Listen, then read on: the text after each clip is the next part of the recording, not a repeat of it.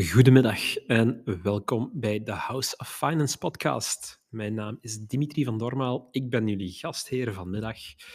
Met de House of Finance podcast trachten wij de complexe wereld van economie en financiën op een zo helder mogelijke manier toe te lichten, zodat u betere financiële beslissingen kan nemen in uw eigen leven. Vandaag een nieuwe aflevering van de House of Finance Academy. We gaan opnieuw spelen met het puzzelstukje beleggingen, want we gaan het hebben over beleggingsfondsen. De markt van de beleggingsfondsen die is namelijk de afgelopen decennia enorm gestegen. En het is dus zeker de moeite waard om het concept wat dieper te gaan benaderen. Ik ga wat, toelichten wat een fonds is, hoe het mechanisme werkt, hoe je ze kan aankopen en wat een geschikte strategie is volgens ons. Let's get started. In de vorige aflevering van de House of Finance Academy sprak ik reeds over aandelen. En een van de eerste regels die iedere kandidaat belegger in aandelen te horen krijgt is diversifieer je portefeuille. Leg niet al je eieren in één mandje. Want indien je al je geld belegt in één of in een beperkt aantal aandelen en het zou verkeerd aflopen met het onderliggende bedrijf, dan kan je namelijk je volledige inleg of een zeer groot stuk ervan kwijtspelen. Dit gebeurde helaas bij heel wat Belgische beleggers die geld hadden geïnvesteerd in Fortis, dat, het, dat een zwaar weer kwam tijdens de bankencrisis in 2009, maar ook tien jaar eerder toen Lernout en Houseby failliet ging na fraude met hun cijfers. Daar hebben heel wat kleine Belgische beleggers heel wat geld aan verloren. Nu, diversificatie, ja, dat beschermt hier tegen. Want als je bijvoorbeeld in 20 aandelen belegt en er loopt iets fout met één van die 20 bedrijven, dan heb je nog steeds 19 goede aandelen in portefeuille en is het neerwaartse risico voor je portefeuille in zijn geheel dus beperkt. De wet van de diversificatie die stelt dus, stel een portefeuille samen met een breed aantal effecten. Nu, dit is makkelijker gezegd dan gedaan. Hier kruipt namelijk veel tijd en energie in. Als, en als je bovendien slechts over een, ja, een klein te beleggen kapitaal beschikt, dan wordt het helemaal moeilijk om in de praktijk voldoende te gaan diversifiëren. Je moet namelijk ook rekening houden met de transactiekosten die verbonden zijn aan het verhandelen van aandelen. En hier komt het voordeel van een beleggingsfonds naar boven. Het biedt de mogelijkheid om te participeren in een voldoende gediversifieerde belegging en meestal zelfs met vrij beperkte middelen. Het fonds dat gaat namelijk de middelen van diverse investeerders op de markt bundelen en die collectief gaan investeren in activa. Iedere investeerder deelt mee in de winst van het fonds, rekening houdend met zijn eigen inbreng, dus pro rata van je percentage in het fonds. Verder kunnen beleggers het beheer van de middelen ook overlaten aan een team van specialisten die iedere dag de beurzen volgen en bedrijven analyseren. Zij, vragen hiervoor wel een bepaalde vergoeding. En dit is meteen ook een erg belangrijk punt wanneer je gaat investeren in fondsen. Kijk heel erg goed welke kosten ze aanrekenen, want er zijn grote verschillen. Um, de drie belangrijkste soorten kosten zal ik nu eventjes toelichten. Ten eerste zijn er de instapkosten. Deze bepaalt, bepaalt, betaalt u om te mogen toetreden tot de investering. En die kunnen soms oplopen tot 6%, afhankelijk van de tussenpersoon waarmee u werkt. Dus kijk hier heel erg goed na, want het heeft een serieuze impact op het rendement van uw belegging. Ten tweede zijn er de beheerskosten. Dit is de vergoeding voor het actieve beheer van de portefeuille. Hiermee worden de fondsenbeheerders en hun team betaald en detect ook de administratieve kosten van het fonds. Beheerskosten variëren typisch tussen de 0,5 en de 2,5 procent. Tot slot zijn er ook nog de uitstapkosten. Deze betaal je bij verkoop van een beleggingsfonds en gelukkig zijn deze bij de meeste grote spelers op dit moment 0 procent. Ik herhaal nogmaals, check deze kosten steeds goed wanneer u investeert. U vindt de nodige informatie hierover steeds in het document Essentiële beleggingsinformatie dat u kan raadplegen bij elk fonds. Goed, waarin beleggen die fondsen nu juist? Ieder fonds heeft een eigen, wat we noemen, investeringsstrategie, die bepaalt waarin het kan gaan beleggen. Zo zijn er bijvoorbeeld aandelenfondsen, obligatiefondsen, gemengde fondsen en vastgoedfondsen. En dit, is, dit zijn maar vier van de vele, vele types die er op dit moment in de markt ter beschikking zijn. Zo zijn er bijvoorbeeld ook themafondsen die zich specialiseren in bepaalde categorie beleggingen, zoals bijvoorbeeld duurzaamheid, technologie of dividendaandelen. Tot slot focussen bepaalde fondsen ook op een specifieke regio, bijvoorbeeld een land of een continent, zoals de Aziatische groeilanden. Erg belangrijk is het feit of een fonds een actieve dan wel een passieve strategie hanteert. Een fonds met een actieve strategie wil beter presteren dan de referentieindex.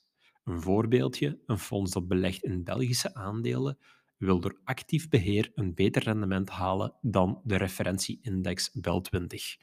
En ze gaan dus door middel van hun analyses bepaalde posities innemen die afwijken van de samenstelling van de BEL 20, in de hoop dat ze er beter uit zullen komen dan het resultaat van de referentieindex voor Belgische aandelen.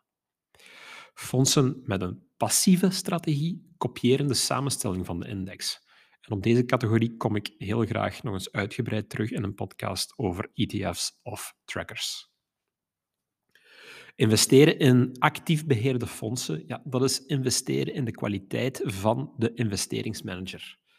Deze dien je dus heel erg goed te gaan analyseren voor je investeert. Een goede indicator is het rendement van de voorbije jaren. Hebben we goed gepresteerd of niet? En ga dit zeker na over een voldoende lange periode van minstens vijf jaar. Want uiteraard, beleggen is een spel van de lange termijn. Dus je moet zeker kijken, zijn deze personen al lang genoeg bezig met hun job en kunnen die een bepaalde prestatie neerleggen die meer is dan louter toeval of meer is dan louter surfen op een bepaalde bullrun in de markt. Vergelijk ook zeker de rendementen van verschillende fondsen met een gelijkaardige strategie. Er is een heel ruim aanbod aan investeringsmaatschappijen op de markt en ze hebben van alles wel wat. Enkel bekende namen zijn JP Morgan, Fidelity, BlackRock, Nordea. Um, die hebben allemaal een bepaalde uh, ja, focus op fondsen met thema's. Dus vergelijk goed tussen de verschillende maatschappijen en kijk waar de pareltjes liggen, opnieuw met een voldoende lange horizon in het achterhoofd. Hoe kan je deze fondsen nu aankopen? Wel, er zijn verschillende mogelijkheden. De, de meesten onder jullie zullen het zeker al aangeboden hebben door de bank. Banken zijn actief in het distribueren van fondsen, maar zij gaan negen kansen op de tien vooral hun eigen huisfondsen gaan aanbieden.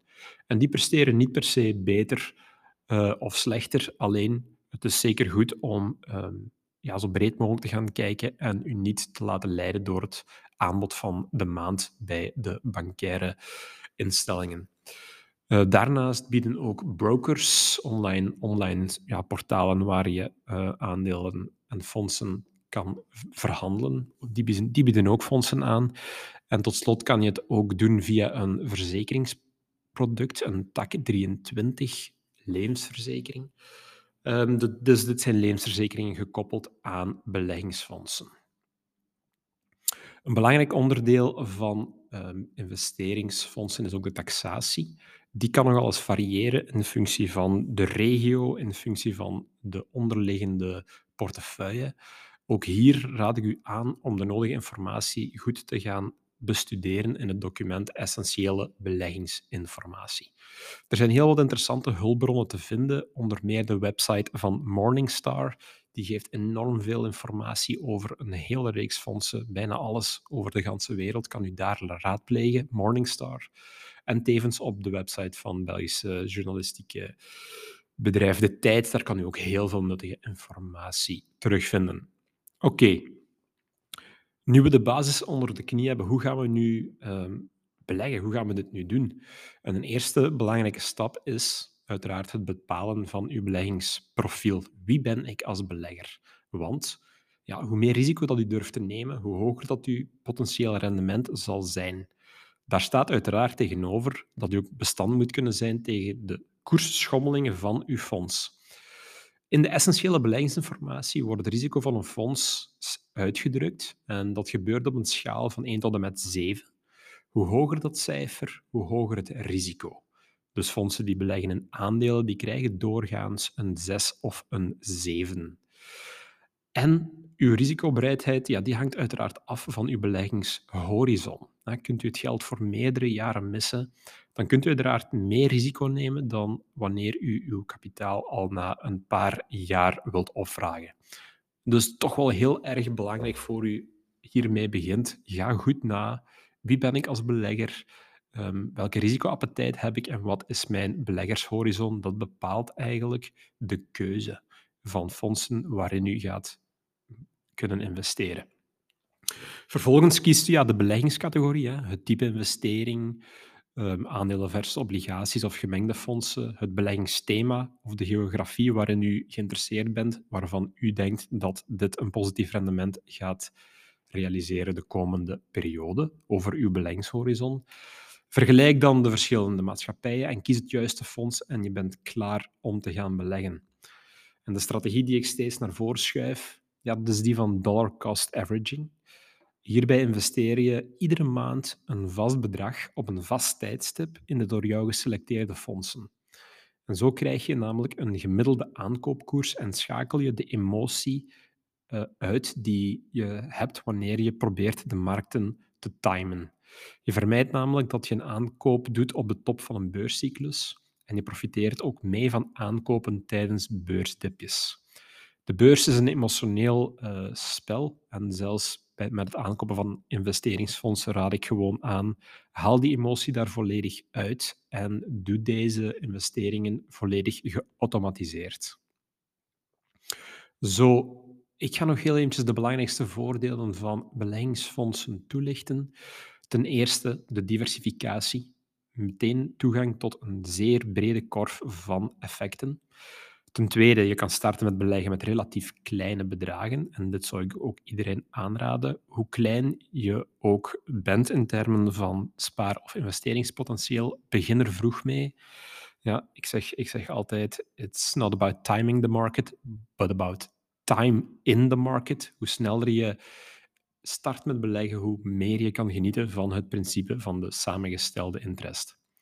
Een derde voorbeeld van, voordeel van fondsen, ze zijn erg tijds, tijdsefficiënt, want je moet de beurs niet zelf opvolgen, dat doet de fondsenbeheerder voor jou.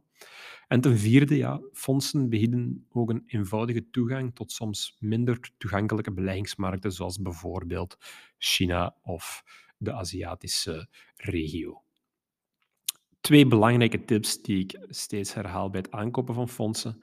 Analyseer de kosten en de taxatie van de producten, want deze kunnen een belangrijk effect hebben op het rendement. En check zeker ook het track record van de investeringsmaatschappij. Dit zijn zaken die wij bij House of Finance uiteraard uh, voortdurend doen. Dus gesteld dat u een interesse heeft in deze vorm van beleggen en u wilt hier nog wat vragen over stellen, dan staan we uiteraard met veel plezier klaar om u hier een antwoord op te bieden te adviseren en indien u dat wenst ook in te begeleiden. Zo, dit was de volgende aflevering van The House of Finance Academy, waarbij we beleggingsfondsen hebben behandeld. Ik zie zie jullie heel graag heel snel terug voor een nieuw onderwerp. Fijne dag nog. Bye bye.